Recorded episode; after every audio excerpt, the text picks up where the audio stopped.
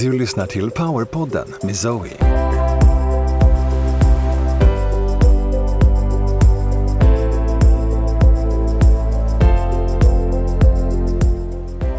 Zoe är en av Skandinaviens ledande spirituella lärare.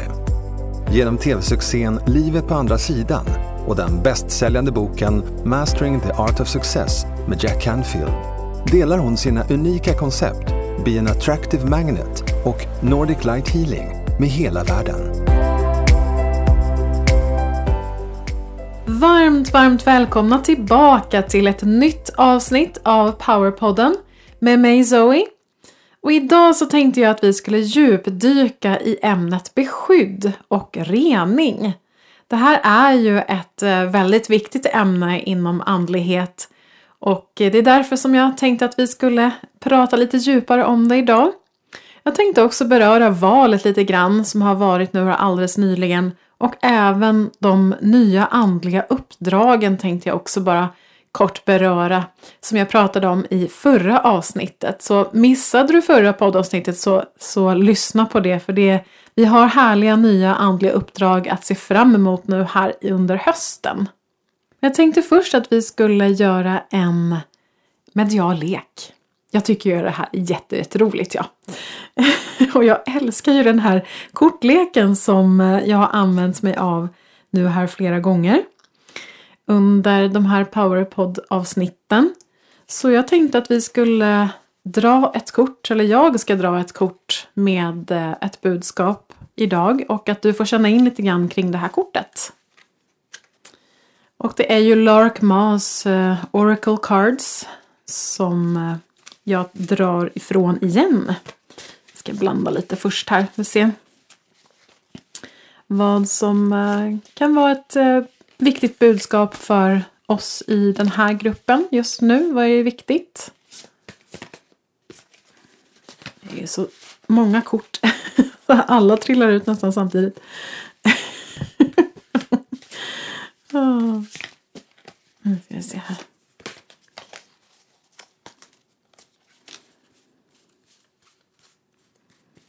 Ska jag känna in lite grann här. Mm, ett kort där som...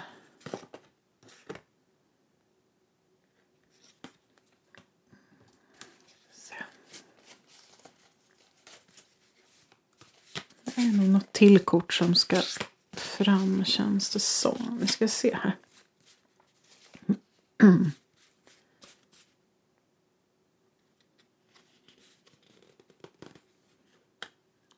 Nu får jag 50-11 kort med mig här. Så. Så nu drog jag två kort. Jag kan inte hejda mig som vanligt. Så känn in lite grann på de här korten. Se om du kan få några bilder till dig. Hur de här korten är viktiga för dig. Se om du kanske får något budskap, du kanske hör något ord. Eller mening. Se lite grann vad du får för känsla för de här korten. Kanske vill du ta ett kort i taget. Eller om du får en samlad känsla för, för korten. Så bara det första som kommer till dig.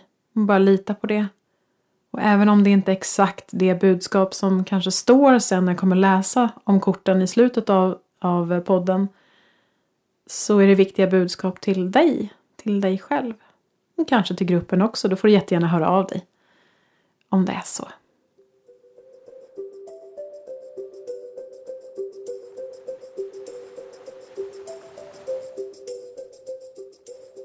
Jag tänkte börja med också att eh, beröra lite grann det här med valet som har varit nu. Man kan ju säga många olika saker eh, från ett 3D-perspektiv. Men jag tänkte att vi skulle titta på det på en lite högre nivå och eh, se lite grann vad som... Ja, hur, jag vill dela lite grann hur jag upplever den här situationen. För det jag har känt väldigt mycket på sistone och det har jag berättat om tidigare också i mina nyhetsbrev och så. Att jag upplever som flera parallella tidslinjer samtidigt då, olika tidslinjer som pågår samtidigt. Och det är som att jag själv inte deltar i de här tidslinjerna utan jag ser dem bara. Jag observerar från håll men deltar inte själv. Det är som att det är ungefär som att se flera filmer samtidigt på olika skärmar. Så ser man olika scenarier som pågår samtidigt men jag är bara observatör. Jag sitter i publiken och bara tittar på vad det är som, vad det är som händer.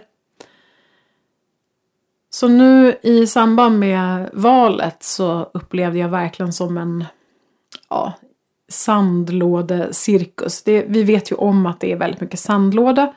Och det blir mer och mer tydligt på något sätt kring politiken och det spelet som faktiskt är. Att, eh, och det här att man kastar, kastar skit på varandra och det är sandlåda så. Um, men det blir en, verklig, en märklig mix då när jag upplever att jag befinner mig inte på samma tidslinje som den här sandlådan. Jag är på en annan tidslinje, jag ska åt ett annat håll. På ett sätt kan det vara ganska skönt.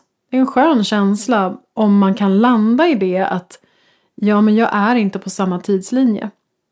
Men jag vet att det är många där ute och det är därför jag nämner det som kan bli väldigt bestörta över har vi inte kommit längre? Och jag kan känna så också ibland att men herregud, vad är det här? Har mänskligheten inte kommit längre än att det ska vara sandlåda bland de, de som ska leda landet? Det är helt katastrofalt så. Att det är så låg nivå kan man känna. Och samtidigt så är det någonting som vi behöver titta på, eller jag i det här sammanhanget, jag behöver titta på varför ser jag det som att det är en att en, en låg nivå och vad behöver jag lära mig i det? Kan jag vara mer accepterande, mer allom, eh, komma med min allomfattande kärlek i situationen? Med min ovillkorliga kärlek och se det som ett spel som pågår. Att det är någonting som sagt som jag observerar. Men också att jag kan göra ett aktivt val där att välja bort den tidslinjen. Men jag vet att det är många som kan bli bestörta av att men herregud, vi, vi kommer ju ingen vart. Därför att man ser den här tidslinjen med sandlådan och tror att man är på samma, i samma dimension. Men det är vi inte. Jag vill bara poängtera det. Om du inte väljer det såklart. Men vi är inte på, på den, eh, i samma dimension. Utan det är olika dimensioner samtidigt. Olika tidslinjer samtidigt som pågår. Um, så bara ha det med dig. Så. Men det är ju en lite märklig mix att ha just, man har på något sätt behöver man ju navigera i och vara i och verka i den gamla världen i 3D. Många har ju mer vanliga jobb än vad jag har. Eh, och är i 3D och samtidigt så befinner man sig i de högre sfärerna. Och det kan vara lite svårnavigerat där, hur, hur gör man det så att säga? För det känns inte så bra att vara i den här vanliga gamla världen som vi håller på att lämnar. Eh, och vi vill hellre vara i de högre sfärerna. Och där är det ju viktigt delvis då att göra aktiva val. Ska du vara kvar i relationen? Ska du vara kvar på ditt arbete? Eh, vad är för det högsta bästa för dig i din utveckling? Så det är en aspekt i det hela, att göra aktiva val och också Se till att hålla din energi så hög du bara kan, din vibration, din frekvens så hög du bara kan. Hela tiden. Jag har också observerat faktiskt i sociala medier, jag är så, jag går in väldigt, väldigt sällan in i diskussioner. Jag är inte mycket för att eh, diskutera saker i, eh, i sociala medier. Jag har gjort det ganska mycket, eller diskuterat har jag gjort ganska mycket tidigare i mitt liv.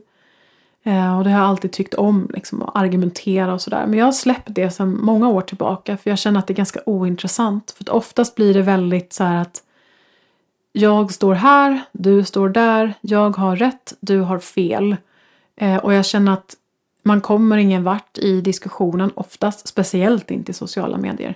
Ska man ha en diskussion så, så tar man den eh, öga mot öga istället. Så kan man sätta sig ner och, och prata om saker och ting. Det blir oftast väldigt hårt i sociala medier därför att man har den här skärmen framför sig. Man ser inte personen framför sig levande. Man har inte kanske hjärta mot hjärta kontakt när man svarar på en, en kom, eh, kommentar eller på ett inlägg. Så det är väldigt, väldigt hård energi i sociala medier. Eh, men jag observerar för att jag vill eh, känna av lite grann också vad var befinner sig människor just nu? Vad behöver människor? Vad triggas människor av? Vad händer? Och hur kan jag assistera i det? Och vad händer i mig? Hur kan jag utvecklas själv? Vad triggas i mig när jag läser saker? Och också får jag information, information nu när jag sitter här att, att det här är också ett sätt för mitt team eh, på skeppet att ha lite koll på vad som händer här nere för de känner av via mig. De känner, igen, de känner av via oss som är här nere och är som eh, ambassadörer, markpersonalen. Eh, så de, de känner av energierna och var andra människor befinner sig genom oss, genom våra ögon. Det är det, det som vi läser i sociala medier läser också de. Eh, det var lite intressant, men det, det visste jag på ett sätt sen förut, sen tidigare. Men, ehm, så det är också ett sätt för våra stjärnfamiljer, våra stjärnkompisar att eh, få lite information eh, kring vad som pågår här nere. Men det jag har observerat och ser väldigt ofta fortfarande tyvärr är ju eh, väldigt mycket hårda ord, fula kommentarer. Ehm, även faktiskt i så kallade vakna kretsar. Och det, det kan bekymra mig lite grann faktiskt. För då känner jag också sådär, men vi behöver ju verkligen vara måna om varandra och ha det i oss att, att vi ska vara kärleksfulla, respektfulla mot varandra. Um, så ja, nej, men det, det är lite, på ett sätt lite intressant att det, att det fortfarande pågår. Då kan man ju se att okej, okay, det finns en hel del kvar att, att utvecklas inom. Att arbeta genom sitt ego till exempel, att arbeta genom eh, sig själv och sina egna tillkortakommanden och sina triggers. För att verkligen landa i en djup kärlek till andra människor och i en djup respekt för att vi är olika. Och vi är också väldigt lika. Så att, ehm, ja, jag ville bara nämna det för jag kände att det vi, vi har lite kvar där och också samma sak där. Vill jag vara i det här? Nej, jag vill inte vara i det här. Jag går jättesällan in och kommenterar. För att jag vet att det blir sandlåda på en gång. Men... Eh, mm, nej, men det är en observation där lite grann. Så det är ju så viktigt att man eh, behöver bli klarsynt kring Eh, både såklart det mörkret som har pågått i vår omgivning, i samhället, i den här uppstigningen och i uppvaknandet så behöver vi ju bli mer klarsynta kring det. Vad är det för någonting som, som, eh, som kommer upp? Eh, vad, är, vad är ljuset belyser för någonting? Vi blir mer och mer medvetna om vad som har pågått på den här jorden under lång, lång, lång tid. Och det är, det är en aspekt av, man, det brukar man kalla för uppvaknandet. Men det är också viktigt att, att titta på sig själv och det krävs också ett gediget arbete med sig själv och sin egen personliga utveckling. För att också eh, göra den här, den här spirituella resan, det här andliga uppvaknandet. Att, upp, att vakna upp till hur kraftfulla vi är, var vi kommer ifrån, och hur mycket ljus vi, vi är bärare av om vi väljer så. Så ja, men det var en liten observation. Nu halkar jag iväg lite grann från valet här. Men tack så jättemycket alla som valde att eh, rösta på knapptryckarna. Eh, en del kanske är besvikna över att vi inte kom in i riksdagen. Men eh, jag trodde inte att vi skulle göra det nu. Och vi får se lite grann vad som sker framöver. Jag är inte med i partiet på något sätt men jag kände att, att det här speglade min, min syn på just ett systemskifte, för det är det de står för. Och för mig var det viktigt att, att det blev också ett energimässigt statement. Om man säger att för att kunna driva igenom ett systemskifte, för det är det de står för, och kunna ta tillbaka makten till folket. Och vi är ju, eller jag säger vi hela tiden, men knapptryckarna partier är ju väldigt nytt. Eh, och att ha kommit så här pass långt under så kort tid, för det är väldigt, väldigt kort tid.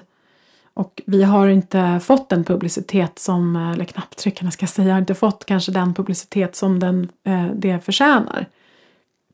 Men eh, rörelsen kan ju bara växa och den har nått ut till väldigt, väldigt många redan nu trots att den är så pass ny. Det är alltid så, man behöver bygga från grunden. Vi behöver bygga från, från, eh, från början. Det är ju som, som när jag startade min, min business, min, min, eh, mitt företag så började jag någonstans och, och, ingen kände till mitt arbete. Jag började spela in lite Youtube-videos och jag började i mina sessioner, jag satte ut någon annons. Ehm, så att det, man börjar någonstans och sen låter det få växa, växa till sig. Och det är samma sak här med partiet Knapptryckarna, att, att eh, de är fortfarande ny, nyfödda så att säga. Och det behövs också eh, växa över tid. Alla förändringar påbörjas ju i mindre skala och sen växer det över tid. Så det här är ju precis i sin ordning. Eh, så man kan jämföra det med kanske lite, ja, Miljöpartiet kanske inte är ett nytt parti men, men när jag växte upp så fanns inte Miljöpartiet utan det är ett parti som har bildats under, under tiden. Um, men hur skapar man då förändring? Det finns ju olika vägar här för jag vet att det är också lite sådär att ja men att knapptryckarna kanske inte ja, nej men det spelar ingen roll att man röstar på dem och det, det kommer inte betyda någonting och sådär. Men jag känner också så här, men det är viktigt att titta på hur skapar vi förändringar? Jag ser att det finns olika vägar att skapa förändring och att alla vägar har sin del i, i, i den stora helheten. Delvis så är det ju de vita hattarna som jag kanske inte har pratat så jättemycket om i, det har jag inte pratat om i podden i alla fall, men i andra videos just de, de eh, från den goda sidan som driver igenom förändringar genom att ta ner kabalen och så. Men också eh, en viktig del är ju att folket ställer sig upp och säger nej kring olika saker och säger ja till det som vi vill ha. Ehm, så så det är ju olika delar i det här och det är så viktigt att förstå helheten och att varje människa, om den följer sin egen själsliga eh, essens och följer sin, sitt eget syfte, så blir det så perfekt. Just att de som, som jobbar med knapptryckarna har, har följt sitt själsliga syfte att driva igenom eh, deras tankegång kring att, att alla ska kunna folkomrösta eh, oftare och att vi har en så kallad direktdemokrati där, där folket är med och fattar besluten. Att inte besluten fattas ovanför huvudet på oss. Så nej men det finns olika vägar till förändring, att driva igenom förändringar och uppstigningsenergierna gör ju sin del såklart också. Och därigenom sker det ju på ett sätt kan man säga automatiska förändringar därför att energierna är så otroligt starka. Och det är många människor som inte är medvetna om, om det att de här energierna kommer in och driver igenom förändringar. Men det, det är många olika delar och det är så viktigt att alla delar får finnas. Och att vi vill alla mot samma mål men har också olika uppgifter. Någonting som jag funderar på är det här att ja, men de, de gamla systemen ska ju falla och håller på att falla nu. Det är väldigt skakigt där ute och det märker vi att det håller på att falla ihop som ett korthus verkligen. Men det är frågan om ska man skapa ett helt nytt system eller helt, helt nya system. Jag tänker på skolsystemet, jag tänker på hela så kallade sjukvården. Eh, och jag säger så kallade för att det är sjukvård känns alltid fel ord för mig att använda. Men eh, ekonomiska systemet med banker och så vidare. Ska vi skapa helt nya system utanför de här systemen eller är det bättre att skapa förändring inifrån och ut, inne i systemen, spränga inifrån. Att vi har som ambassadörer inne i systemen som driver igenom förändringar. Jag har kontemplerat lite grann över det här för att jag har inget tydligt, tydligt svar så. Men, men och du får, får tänka, tänka och känna efter själv vad, vad du känner. Men, men jag känner att det är både och här. Och att allting som leder till en positiv förändring är ju såklart bra. Oavsett vilken väg man tar. Men när jag har kontemplerat över det här så ser jag det som att, att, eh, att det är bra att också gå in inifrån och spränga strukturerna inifrån. Att komma med ny information, till exempel inom sjukvården, att vi kommer med alternativa vägar så att säga, att det kommer in i sjukvården på ett eller annat sätt och sprider sig och därmed också, det blir som en ljussprängning. Jag ser det som sprickor av ljus som kommer in i de här mörka systemen och spränger dem inifrån. Och sen när de här systemen är sprängda så är det som att vi har de nya systemen redan preppade så att säga vid sidan av. Att då blir övergången också mycket lättare när vi har gjort en sprängning, när vi har gått in i i de befintliga systemen och sprängt dem inifrån. Och sen så visar vi att ja, men här borta har vi en lösning. Här finns det en lösning. Så så eh, visade mina guider mig när, när jag ställde frågan. För jag har alltid undrat lite grann hur, eh, hur, det, hur det kommer att gå det här. Hur ska, hur, ska vi göra, hur ska vi kunna driva igenom den här förändringen?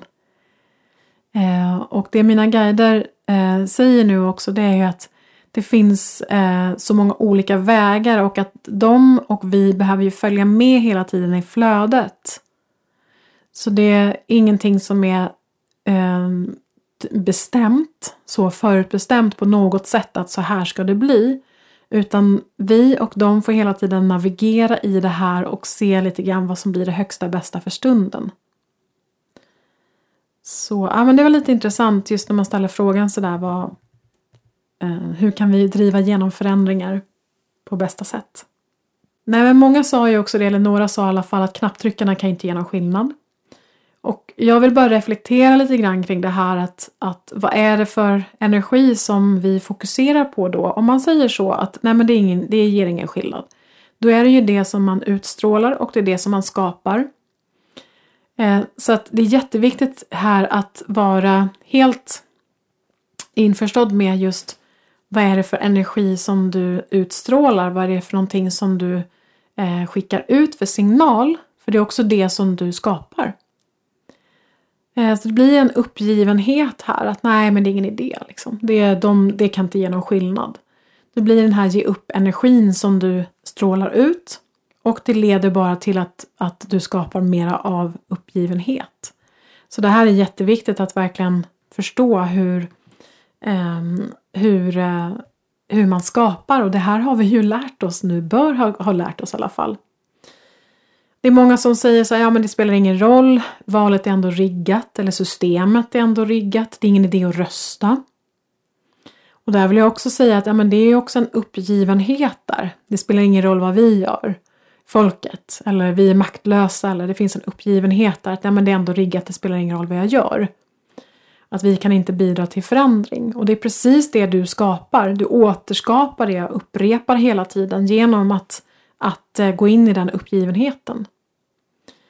Eh, för man pratar ju om att ja, men det är ändå kabalen eller djupa staten som, som bestämmer så det spelar ingen roll om jag röstar eller inte. Man kanske ja, väljer att slänga sin, sin, eh, sin eh, röstsedel eh, och, eller rösta blankt. Men där känner jag också att det då har man ju också den här uppgivenheten att det är det som, som man, man väljer att inte delta i livet till exempel. Alltså det är så himla viktigt att titta på energin. Vad är det för någonting som du utstrålar när du gör vissa saker, när du säger vissa saker? Att man upprepar det här mantrat till exempel att allting är korrupt. Ja, det har varit väldigt korrupt, men vi är i en transformation just nu. Där vi förändrar, när vi transformerar, tar ner det gamla och, och eh, för upp det nya. Så att det hjälper inte att gå omkring och älta om att allting är korrupt. Det är, allting är korrupt, allting är korrupt. som folk säger hela tiden. Eller en del, en del upprepar det som ett mantra. Jag vill bara reflektera lite grann över det för att jag har sett väldigt mycket i, man säger den så kallade uppvaknande rörelsen de senaste åren att det ältas väldigt, väldigt mycket och geggas runt i det här att allting är korrupt och eh, det är kabalen som styr och så vidare. Och då skapar du, vi skapar bara flera upplevelser av att det är korrupt. Och att, och att eh, vi har ingen makt att förändra och så vidare. Så det är så viktigt att, att leva i den här transformationsprocessen. Att ja, vi ser det som är mörkt, vi ser det som har pågått, vi för upp det till ytan, men vi släpper det där. Vi för upp det till ytan och släpper det. Vi släpper det i ljuset och låter det få blotta sig själv. Vi håller inte fast vid mörkret genom att älta och omskapa det igen och igen och igen. Och en, en fin mening som eh, mina guider gav mig för några år sedan eller något år sedan just kring det här för det blev väldigt mycket att mörka saker skulle exponeras vilket är en jätteviktig process i den här trans transformationen men det är viktigt att inte fastna där, det är det jag menar. De gav mig en mening som säger så här Fokusera på ljuset som lyser upp mörkret, inte på mörkret som lyses upp. Jag säger det igen för den är väldigt viktig. Fokusera på ljuset som lyser upp mörkret, inte på mörkret som lyses upp. Det är en väldigt, väldigt stor skillnad. Så håll fokus på ljuset hela tiden. Så att det här med attraktionslagen är ju verkligen det är verkligen A och O i dessa tider att lära sig att komma ihåg och lära sig att använda sig av det. The Secret kom ju 2006 och det kom, den, den filmen, den boken kom av en anledning. Vi har hållit på nu i åratal och eh, lärt oss kring hur attraktionslagen fungerar och hur vi kan förfina vårt skapande inför dessa tider. Det är det vi har gjort. Det handlar inte bara om att dra till sig pengar, att dra till sig en kärleksrelation eller ett jobb, utan nu är vi experter inom det här området och nu hjälps vi åt att skapa den nya jorden med hjälp av de energikunskaper vi har kring just attraktionslagen och där kring. Hur energi fungerar, hur manifestering sker. Jätte, jätteviktigt. Så jag kände att jag ville påminna lite grann om det idag. Ja, men det var lite tankar där kring, kring valet.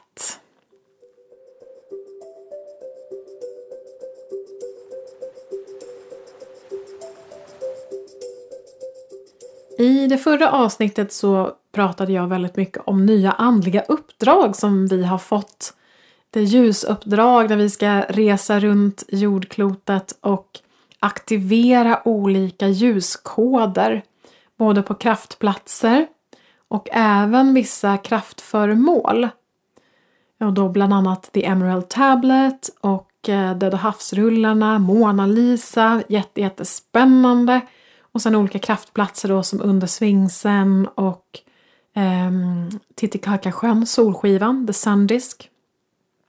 Och det kommer komma en radda med eh, de här olika eh, uppdragen som vi eh, har möjlighet att genomföra. Ta upp de här ljuskoderna, aktivera dem och föra ut dem i det gyllene ljusnätverket som kodar för den nya jorden. Eh, och eh, det är så att det har kommit in en del mejl kring de här uppdragen och att en del har små pusselbitar i sammanhanget och också frågor kring kan det här vara någonting eh, som har med det här att göra? Och det är jätte, jätteintressant och jag tänker så här att det här är ju också någonting som vi skapar tillsammans. Så är det så att du får information till dig någon, kring något utav de här ljusuppdragen eller andliga uppdragen så får du jättegärna mejla in till oss om du har någon information som du känner är viktig att dela. Ehm, det var en, en person också under 21 dagar så här som hade fått till sig att hon hade ett föremål att hämta på Kreta. Det kände jag gällde henne bara, men det är ju självklart också allting, vi är ju alla ett. Så att det, det hon gör påverkar ju också helheten såklart. Nej men så att det, jag ville bara kort beröra det och så att så här, har du information så mejla oss gärna. Du kan mejla på infomejlan info zolang.se. Det går även bra att mejla till poddadressen podd zoland.se. Så, nu ska vi äntligen kliva in i det här spännande ämnet med beskydd och rening. Det är ju väldigt mycket snack om beskydd och även rening och vikten av beskydd inom andliga kretsar. Och det är ju viktigt. Det är viktigt att veta hur man eh, skyddar sig eh, så och även hur man renar sig. Det är två viktiga aspekter inom andlighet därför att vi rör oss i olika andliga rum så att säga och vi rör oss ute i samhället också såklart. Och det är viktigt att veta lite grann där hur man jobbar med sina energier och eh, ja, skapar beskydd och så vidare. Jag tänkte ge mitt perspektiv som vanligt på eh, det här i den här frågan. Eh, och som vanligt så skiljer sig mitt perspektiv lite grann kanske från, man säger det som man brukar prata om när det gäller beskydd och rening.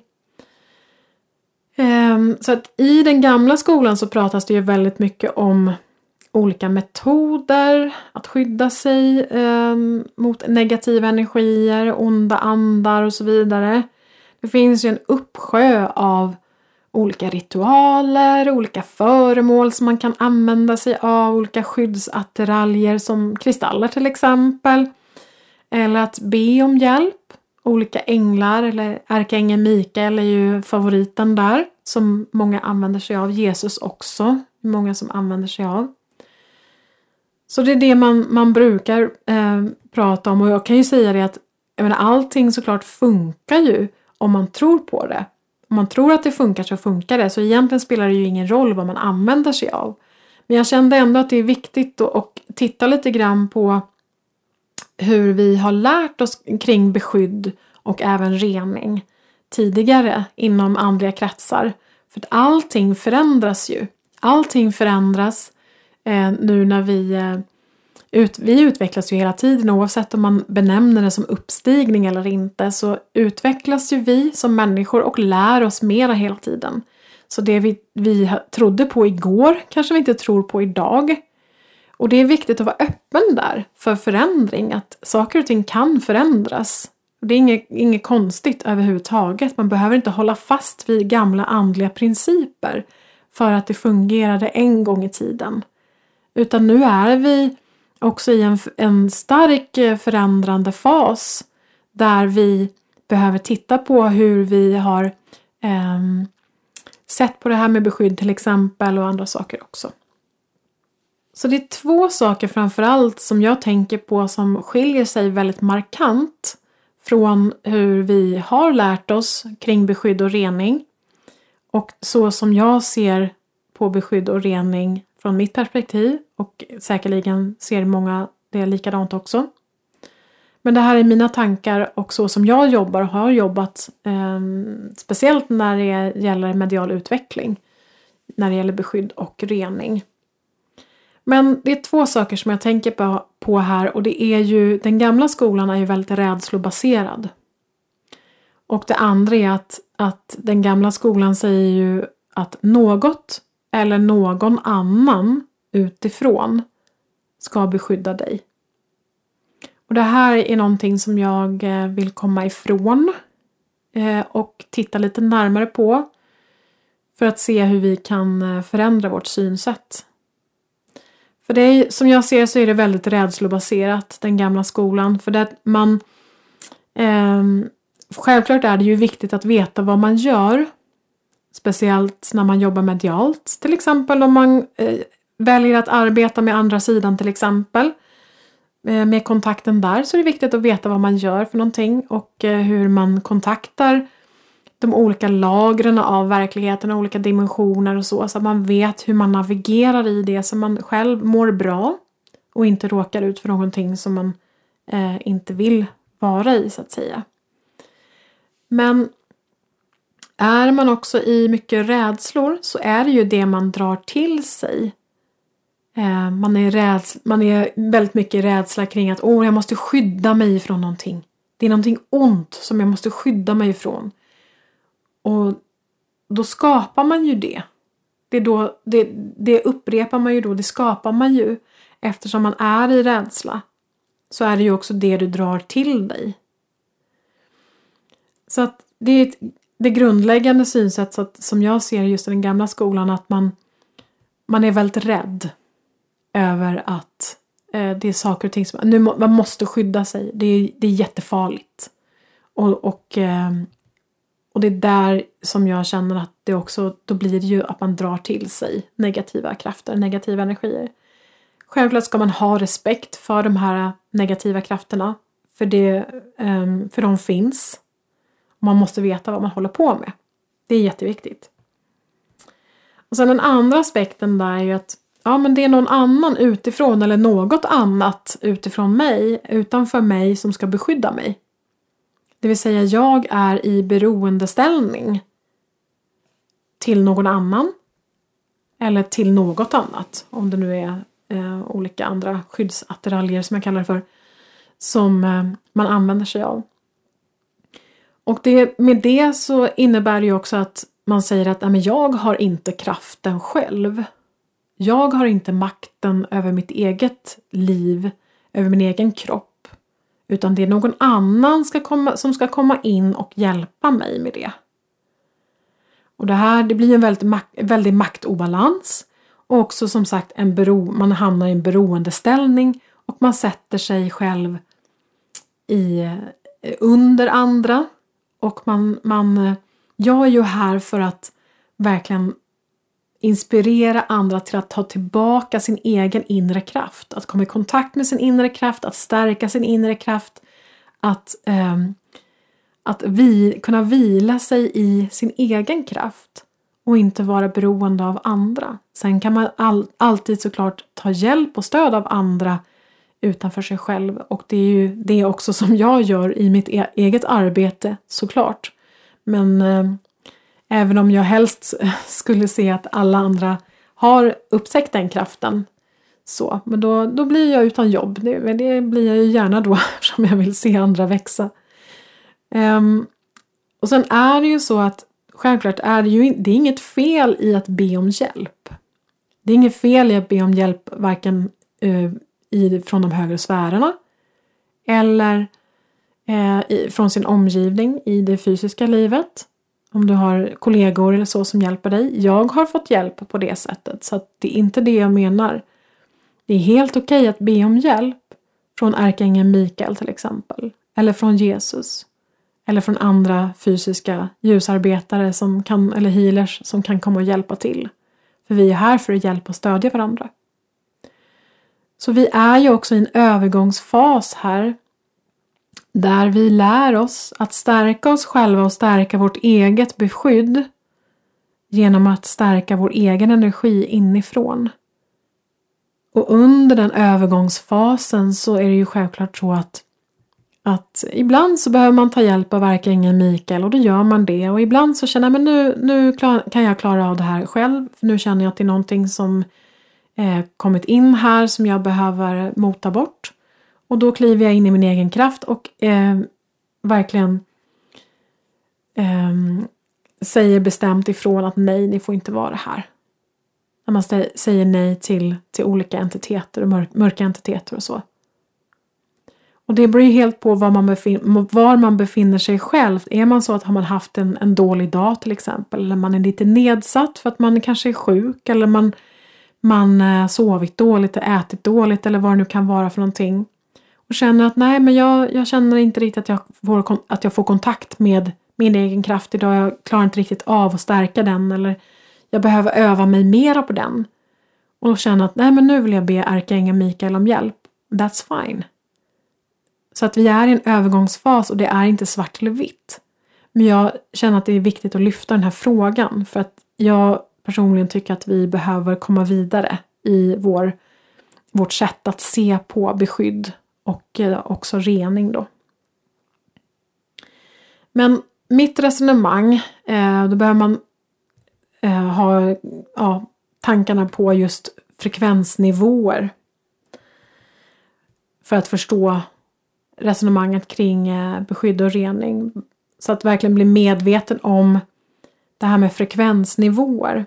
Och egentligen så är det här väldigt, väldigt logiskt som jag kommer att eh, gå igenom alldeles strax. Det här är egentligen bara en påminnelse också, för det här är saker som du redan vet om.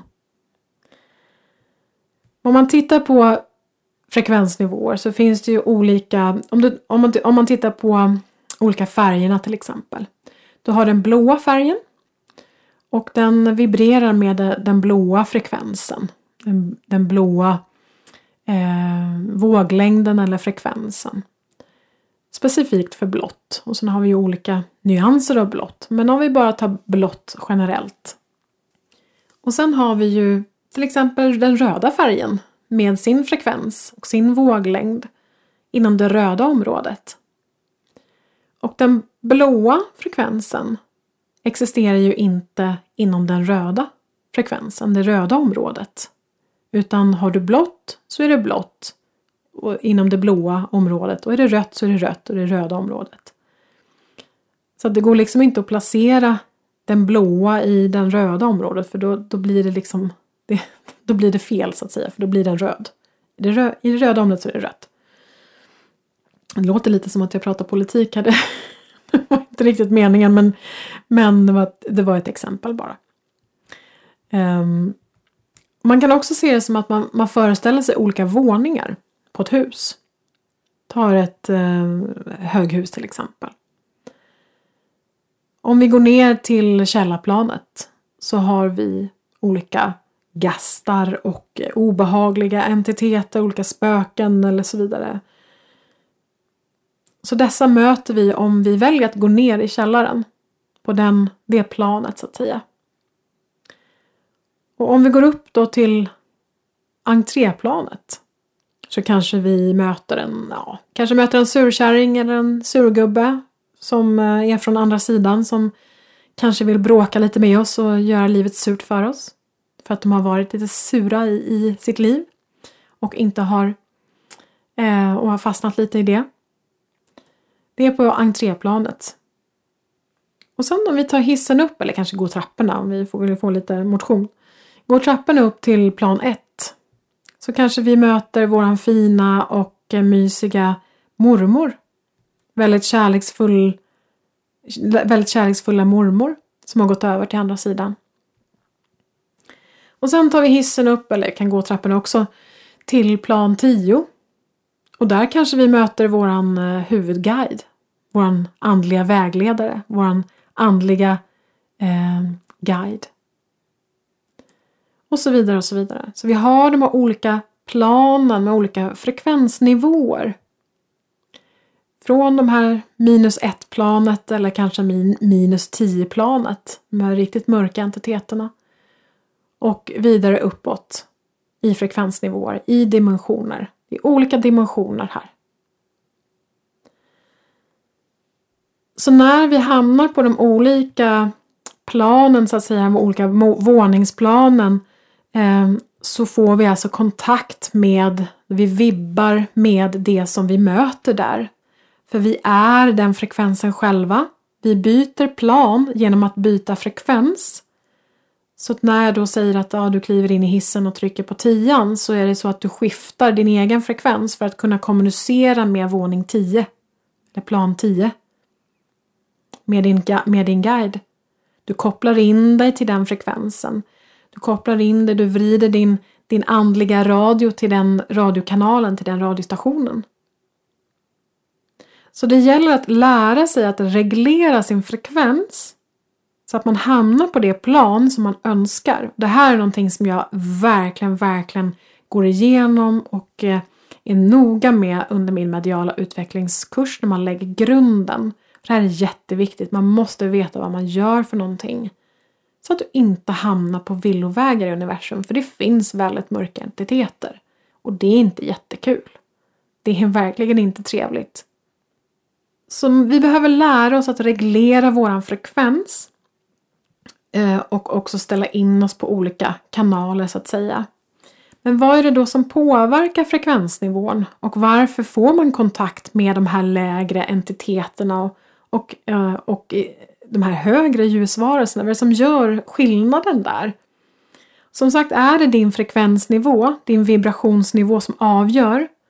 Och det finns inget dömande här, jag vill säga det redan nu, jag kommer eh, prata om det senare. Men, men eh, det finns ju olika, bara olika frekvensnivåer och beroende på var du befinner dig, eh, på vilken frekvensnivå du själv befinner dig på, så vibbar du med respektive våningsplan så att säga. Och någonting som påverkar väldigt mycket om vi pratar om mörka entiteter så är det till exempel att man mår psykiskt dåligt. Som depression till exempel är en eh, väldigt viktig del här. Och droger är en sån eh, viktig del också. Att när vissa personer tar droger, eller när personer, människor tar droger så sjunker vibrationsnivån. Och därigenom har möj, eh, finns möjligheten då för mörkare entiteter och så vidare att kunna ta sig in och leva i din energi så att säga. Det här är en väldigt förenklad bild men det ger också en, en tydlig bild på vad det är som påverkar.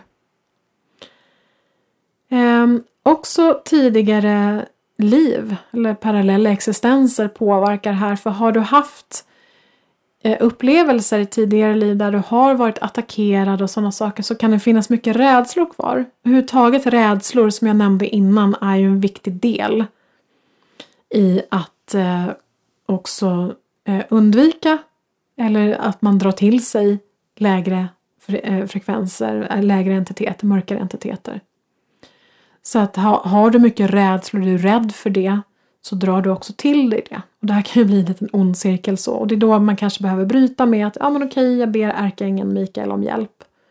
Och sen så eh, försöker man så gott man kan att hitta tillbaka till ljuset igen och sin, sin ljuspelare. Och det här med att eh, dra på sig olika energier och så, det, det händer eh, det händer lite nu och då och det är ingenting konstigt. Eh, för det blir lätt ett dömande här. Att man kanske känner sig liksom som en dålig människa för att man har dragit på sig någonting så kallat lågvibrerat. Ja, ah, men jag är så lågvibrerande. Men se det lite grann mer som en läroprocess. Eh, och som en spegling av ditt eget mående och din energinivå och kanske din rädslonivå. Att du kan lära dig någonting av det här istället. Att det inte blir ett dömande. Det blir mycket också tycker jag inom, inom andliga kretsar att ja, men det är så lågvibrerande eller det här åh, det är så högvibrerande. Och det blir sånt eh, dömande där och det blir så svart eller vitt där. Men självklart så ska man återigen vilja säga det att man ska självklart ha respekt för mörka entiteter. Vissa är, är inte att leka med alltså. Och det finns de som nästlar sig in också genom att påstå att de kommer från ljuset. Jag vet att jag nämnde det i samband med att jag gick ut med information kring det här andedopet som har figurerat en hel del i eh, andliga kretsar, tyvärr. Och jag ser, har sett det jättetydligt och jag kände energin och jag kan säga att alla mina vänner som inte var involverade har känt och upplevt eh, den här energin och eh, det, alla säger samma sak där att det här är inte att leka med alltså. Ehm, så det är ju viktigt att hålla frekvensen uppe. Så är du, har du en dålig dag, är du, har du en tendens att vara deprimerad och så vidare. Så är det ju viktigt att, att kanske inte gå in och jobba medialt. Att eh, inte öppna upp dig för kontakt med andra sidan när du har tagit droger. Tyvärr så är det ju så att droger, i alla fall eh, de som röker på, eh, har jag fått erfara via en, en person som jag träffade för eh, drygt 10-11 år sedan nu. Och jag visste inte att han, att han höll på med det. Utan eh, jag förstod sen, och det här har ju tillhört min läroprocess och det är därför jag kan prata om det, för att jag har erfarenhet Därför att han eh, hade dragit på sig då mörka entiteter som påverkade mig Det blev väldigt, väldigt obehagligt vid flera tillfällen. Och det var på grund av att han rökte på lite nu och då. För det som händer, i alla fall då de som röker på, jag vet inte hur det är med andra droger faktiskt, men den öppnar upp, drogen öppnar upp hela ditt energisystem. Och samtidigt så är det också eh, då om man mår dåligt så blir det automatiskt så att det kommer in, eh, eller kan göra, det behöver inte bli automatiskt då kanske, men, men att det kommer in eh, vissa entiteter där på grund av det. Så inte särskilt trevligt alls. Så att är det så att du eh, ja, har en period som är väldigt tuff, var försiktig med att, eh, att öppna upp dig för att jobba medialt och så. Så kan jag väl säga. Och också inför mediala arbeten eller ljusarbeten eller överhuvudtaget om du ska kontakta andra dimensioner så är det så viktigt att du är i form och att du är eh, verkligen inkopplad till ljuset först. Att ha stärkt ditt eget ljus, ha kontakt med ditt eget ljus, ha stärkt upp det och eh, verkligen expandera ut expandera ut det ljuset så att du har ditt beskydd. Jag kommer prata lite mer om det sen. Men vi håller ju på att lära oss det här så vi får ju snä vara snälla mot oss själva och det är okej att också såklart använda oss av gamla och nya metoder. Att vi kan navigera lite både och här. Men jag vill skapa en medvetenhet kring det för att jag märker att det fortfarande pratas väldigt mycket om eh, från ett rädsloperspektiv tycker jag och att det är någon annan utifrån som ska, som ska skydda oss. Men vad gör man då för att rena sig? Jag menar de gamla metoderna har ju oftast, jag har faktiskt inte använt mig av de gamla metoderna alls kan jag nog säga. Um, kanske till viss del kristaller har jag ju använt mig av såklart. Men salvia är ju en klassiker. Jag har aldrig varit en särskilt stor fan av salvia. Eh, när jag eh, tittade lite grann på energin kring salvia och vad som sker när man så kallat renar med salvia man går ju oftast in, alltså man kan ju använda salvia och ja, man viftar med handen eller viftar med någon, någon fjäder eller någonting i hörnor till exempel. Det jag ser, eh, du får känna efter själv för jag vet att det är jättemånga som använder salvia men jag eh, känner inte att jag vill använda salvia för att det jag ser är att det man gör är att bara sopa ut smutsen ut i rummet. Men sen behöver man också ta, ta, ta om hand eh, ta om hand om smutsen, ta hand om smutsen och föra den uppåt så att säga som man gör med healing. Det är ungefär som att man går in med en sopborste i ett rum och sopar, sopar ihop små högar och så tar man inte upp de bara högarna utan de ligger bara där. Så ser jag sker energimässigt med salvia. Det här är ingenting som jag har delat förut men det kan vara ganska intressant. Se hur du känner själv men, men det är så jag ser i alla fall. Så det man kan göra, man kan absolut använda sig av salvia men också att se till att den energin som du tar ut i rummet och eh, att du för upp det till exempel. Om du jobbar med healing, att du transformerar den energin. Inte bara tar ut den i rummet och låter den ligga fritt.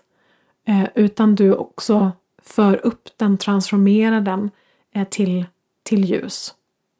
Du kan använda dig av kristaller om du vill här. Jag har ju använt mig av en fantastisk kristallstav som jag sålde för några år sedan, ganska länge sedan nu. Ehm, den har jag använt mig av på många olika sätt. Den är jätte, jättefin. Den, den håller sig fortfarande, tycker jag, högfrekvent. Ehm, tycker jag nog faktiskt.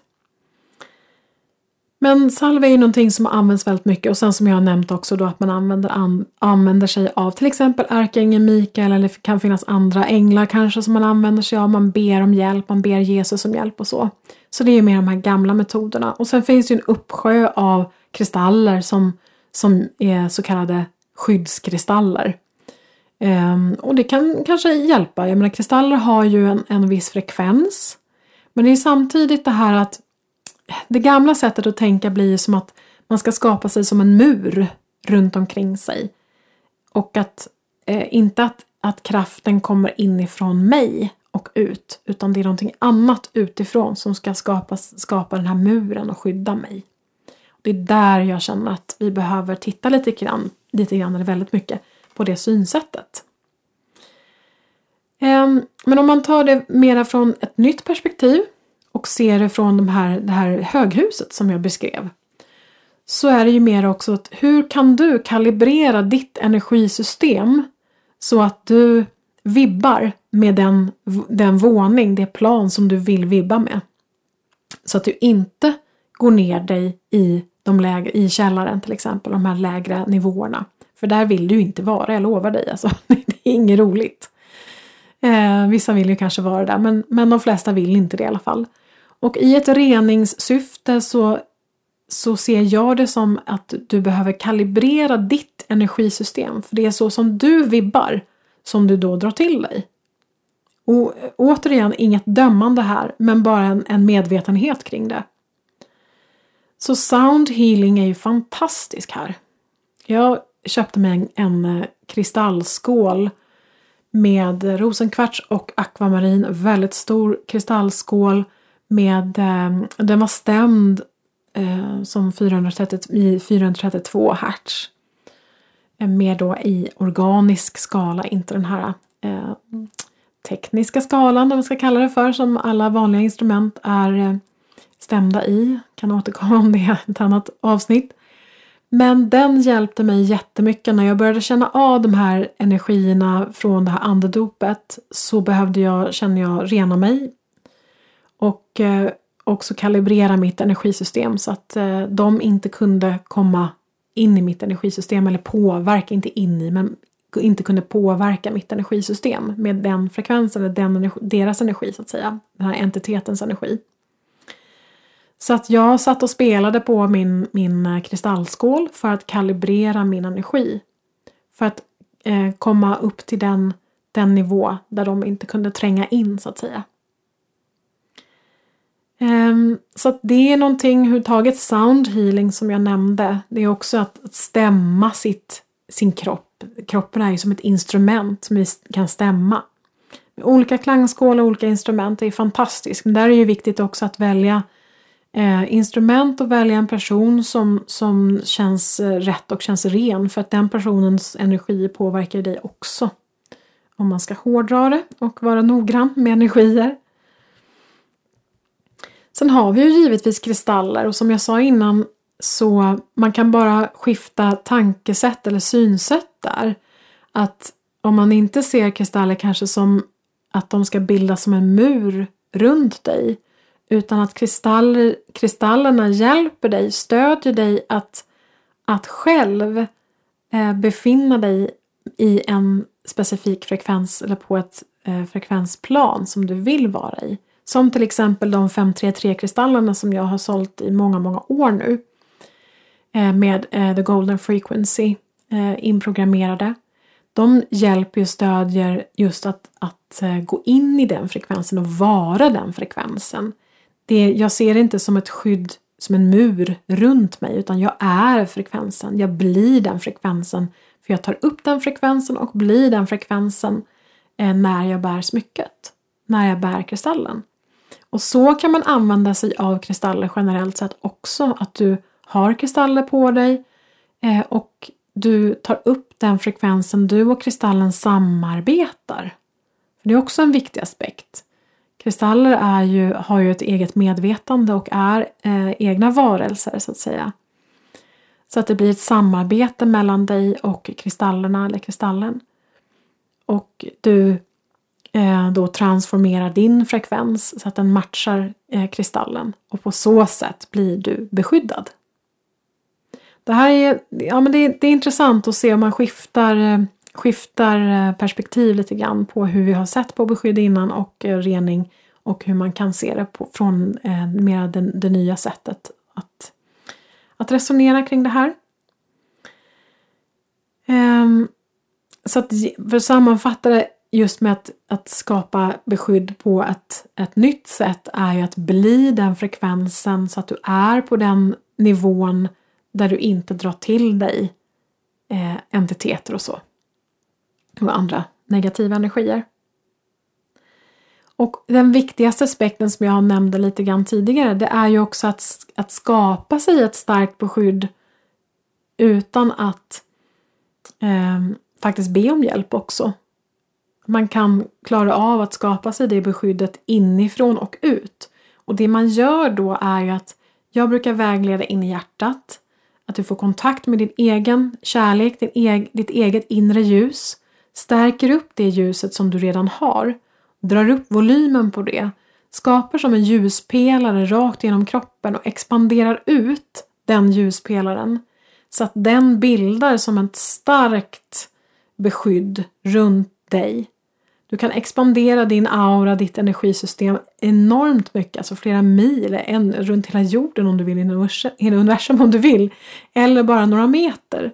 Du bestämmer själv så skapar du också som ett skyddande skal inifrån dig och ut. Det är din kraft. Det är ditt ljus som skyddar dig. Inte någon annan som ska komma in och skydda dig. Du är ärkeängeln Mikael. Du har de krafterna att, att skydda dig själv. Bara du blir medveten om det och jobbar med den biten att stärka upp ditt eget ljus, för du har det i dig. Du har Kristusenergin i dig. Den kan vara slumrande, du kan behöva aktivera den eh, och verkligen, om du väljer så, om du vill göra det så, så hamnar du på den resan. Så det är det jag menar att skapa sig ett starkt beskydd inifrån och ut. Att verkligen eh, eh, känna sig beskyddad av sin egen kraft. Väldigt, väldigt fint, vackert och häftigt att, eh, att jobba så istället. För att hamna i en slags maktlöshetskänsla att någon annan ska komma in och hjälpa mig.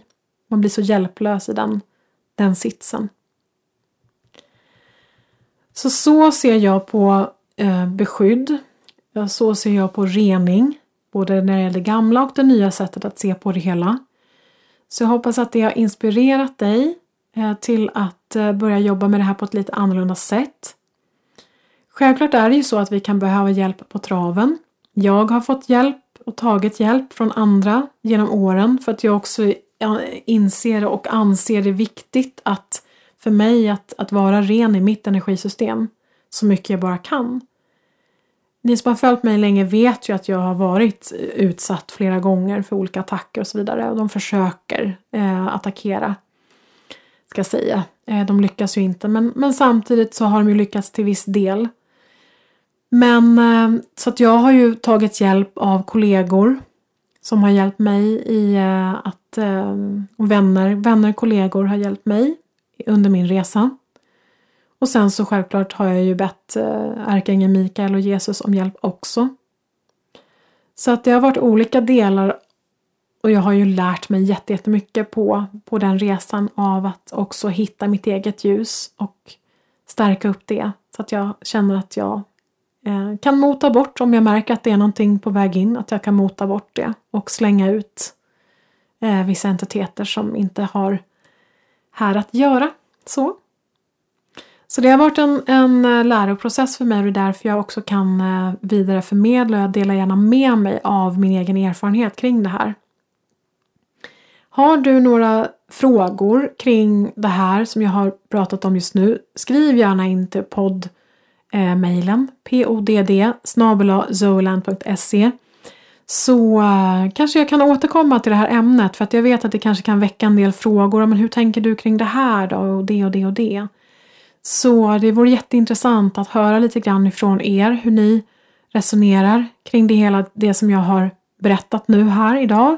Och också som sagt om du har frågor. Sen är det ju så som jag sa så kan man ju behöva lite hjälp på traven när man blir väldigt attackerad och man kan gå och bära på energi som man inte har någon aning om att man gör faktiskt. Det är väldigt lätt hänt eftersom vi rör oss i samhället hela tiden och träffar människor, både de vi känner och inte. Och är på olika platser som, som har olika energiaspekter och så. Eh, så det, det kan hända och vi har ju också varit med om väldigt mycket i andra inkarnationer där, där vi kan ha dragit på oss som ligger kvar och sådana saker. Det kan finnas rädsloupplevelser som gör att vi drar på oss saker och så. Och renhet är en jätte, jätteviktig del i uppstigningen. Att kunna hålla den här höga frekvensen så är det någonting som kommer in i ditt energisystem och vill störa så är det viktigt att bli av med det. Och som sagt, det är inte alltid vi är medvetna om det. Så skapa dig en, en bra eh, reningsritual eller vad man ska kalla det för. Eh, ett sätt att rena dig. Gärna dagligen, men det kan vara svårt att få in i, i vardagen. Men, men se till då att rena ditt energisystem nu och då, för det är en viktig del. Jag håller ju på nu med ett reningsprogram som jag har nämnt eh, tidigare tror jag i podden. Nämnt det lite överallt. Eh, jag håller på nu i dagarna och spelar in olika healingvideos där vi kommer att, eh, jag och mitt healingteam kommer att jobba med era energisystem under det här programmet där vi kommer att rena just från de, till exempel de vardagsenergier som man kan dra på sig om man är på jobbet till exempel och har en, en sur kollega eller, eller man kanske har eh, saker och ting som pågår i sin närhet bland nära och kära som, som tynger en eller som man blir påverkad av energimässigt. Så det renar vi bort och också energier från olika platser. Kommer att kapa eh, band, de negativa band, energibanden i relationer. Och även faktiskt sexuella band, sexuella energiband som vi skapar med dem vi har haft sex med. Det var en, en förfrågan faktiskt från en, en deltagare på 21 dagars healingen. Så det är jättefint det här interaktionen. Att, ja, men vad behöver ni? Vad behöver du? Så det jobbar vi med bland annat och sen så är det ju om det är så att mörka entiteter har satt sig fast på något sätt i energisystemet så jobbar vi med det under en session också. Vi jobbar också med att stänga och eh, reversera, eh, transformera mörka portaler som kan finnas eh, i din närhet. Det är inte jättevanligt ska jag säga, men det förekommer. Ehm, det kan finnas på arbetsplatser, det kan finnas eh, i ditt hem på olika ställen. Och där det blir trafik av eh, Eh, olika mörka entiteter. Det är inte jättevanligt så det, jag, inte, jag är inte här för att skrämma upp er på något sätt. Men jag ville ta med dig i programmet också. Sen så jobbar vi också med att ta bort eh, implantat och förbannelser. Det kan vara från det här livet, det kan vara från andra liv också som vi har fått då chip eller implantat in, inopererat som vi kan ta bort resterna av eller ta bort eh, kopplingen till. Och olika förbannelser eh, som vi också kan ha dragit på oss i tidigare liv, behöver inte vara i det här livet. Och sen har vi också fått, eller jag har fått en förfrågan kring initieringar. Eh, till exempel om vi har fått initieringar för en specifik healingform till exempel reiki. Man måste inte ta bort sin initiering för reiki, absolut inte. Men vissa har, har eh, eh, haft en förfrågan kring att jag vill gärna ta bort den. Så det jobbar vi med också under en session där att ta bort initieringar som du har ingått i det här livet och även i andra inkarnationer som kan påverka dig idag. Vi vill ju ren, rena upp systemet så mycket, mycket, mycket, mycket, mycket vi kan för att det ska underlätta i uppstigningen. Så därför så renar vi bort alla de här olika delarna, försöker att och ta det från olika håll. Och sen den sista sessionen är ju den viktigaste tycker jag. Det är ju att, att skapa sig ett starkt beskydd inifrån. Och då är det precis den här processen jag pratade om innan. Där jag vägleder er och så håller energin för att skapa en högre frekvens inuti dig och eh, inifrån och ut. Så att du kan utstråla det här ljuset som då automatiskt håller håller andra mörka entiteter och energier borta från dig, från ditt energisystem. Så det här är ett eh, jätte, jättefint program som har legat i pipen eh, ett bra tag. Jag har fått förfrågan genom åren flera gånger. Men nu kände jag att, att jag behövde ge det här tid för att eh, jag vet att det finns många där ute. Jag skulle själv vilja ha det här programmet faktiskt. Jag kanske kommer att lyssna på mina egna videos, jag vet inte. Jag brukar inte göra det men men eh, det, det kan, eh, kan vara fint att få ta del av de energierna. Eh, för min egen del också, säkerligen. Så eh, det var allt jag hade på hjärtat idag och nu ska vi ju titta lite grann på de här korten som, eh, som jag har tagit här innan. Ehm, se lite hur vad det var för budskap och idag har jag med mina glasögon. De är jättesvåra att läsa de här korten för texten är liksom vit på eh, väldigt ljus bakgrund. Så det är en omöjlighet att se ordentligt. Nu ska vi se här. Det första kortet som jag drog eh, säger Evolution. Eh, the now present. Always stay present with what is happening around you. Make your choices in the power of the present moment. Ja, oh, fint. Jag vet inte riktigt hur vi kan relatera det till det vi har pratat om idag. Ofta så trillar, trillar tioöringen ner för mig lite senare. är en jättefin snäcka på här. Med, med sån eh, eh sacred geometry, sån helig geometri på. Väldigt vackert. Men eh, det är ju då eh, eh, nu, nuet. Att vara närvarande i nuet. Och vara närvarande med det som händer runt omkring, runt omkring dig. Och att eh, fatta beslut, göra val eh, i, i, eh, i nuet, så att säga, i kraften som är i nuet. Känna in lite grann på det, om det var någonting mera där som ville sägas kring det. Jo, men just att, att allting skiftar ju också i varje sekund. Så att ibland så går det inte att fatta beslut längre fram. Utan att man får fatta besluten i stunden och att klara av att vara så närvarande hela tiden med allting som är just i detta ögonblick. Och att då kunna fatta beslut. Och jag tror att många kan känna igen sig i det. Att eh, man kanske blir bjuden på någon, någon middag på, på lördagskvällen och det är tisdag. Och så känner man att nej, men jag, jag kan inte fatta beslut förrän kanske på morgonen eller några timmar innan. Och det där har varit, tycker jag, lite grann ett gissel de senaste åren. att Jag kan känna att jag, det, det går liksom inte, det går inte att, att bestämma sig förrän precis innan man ska iväg. För att man vet inte riktigt hur energierna känns och faktiskt också vad man orkar. För det är så mycket energipåslag hela tiden och så mycket som pågår och händer igen och så.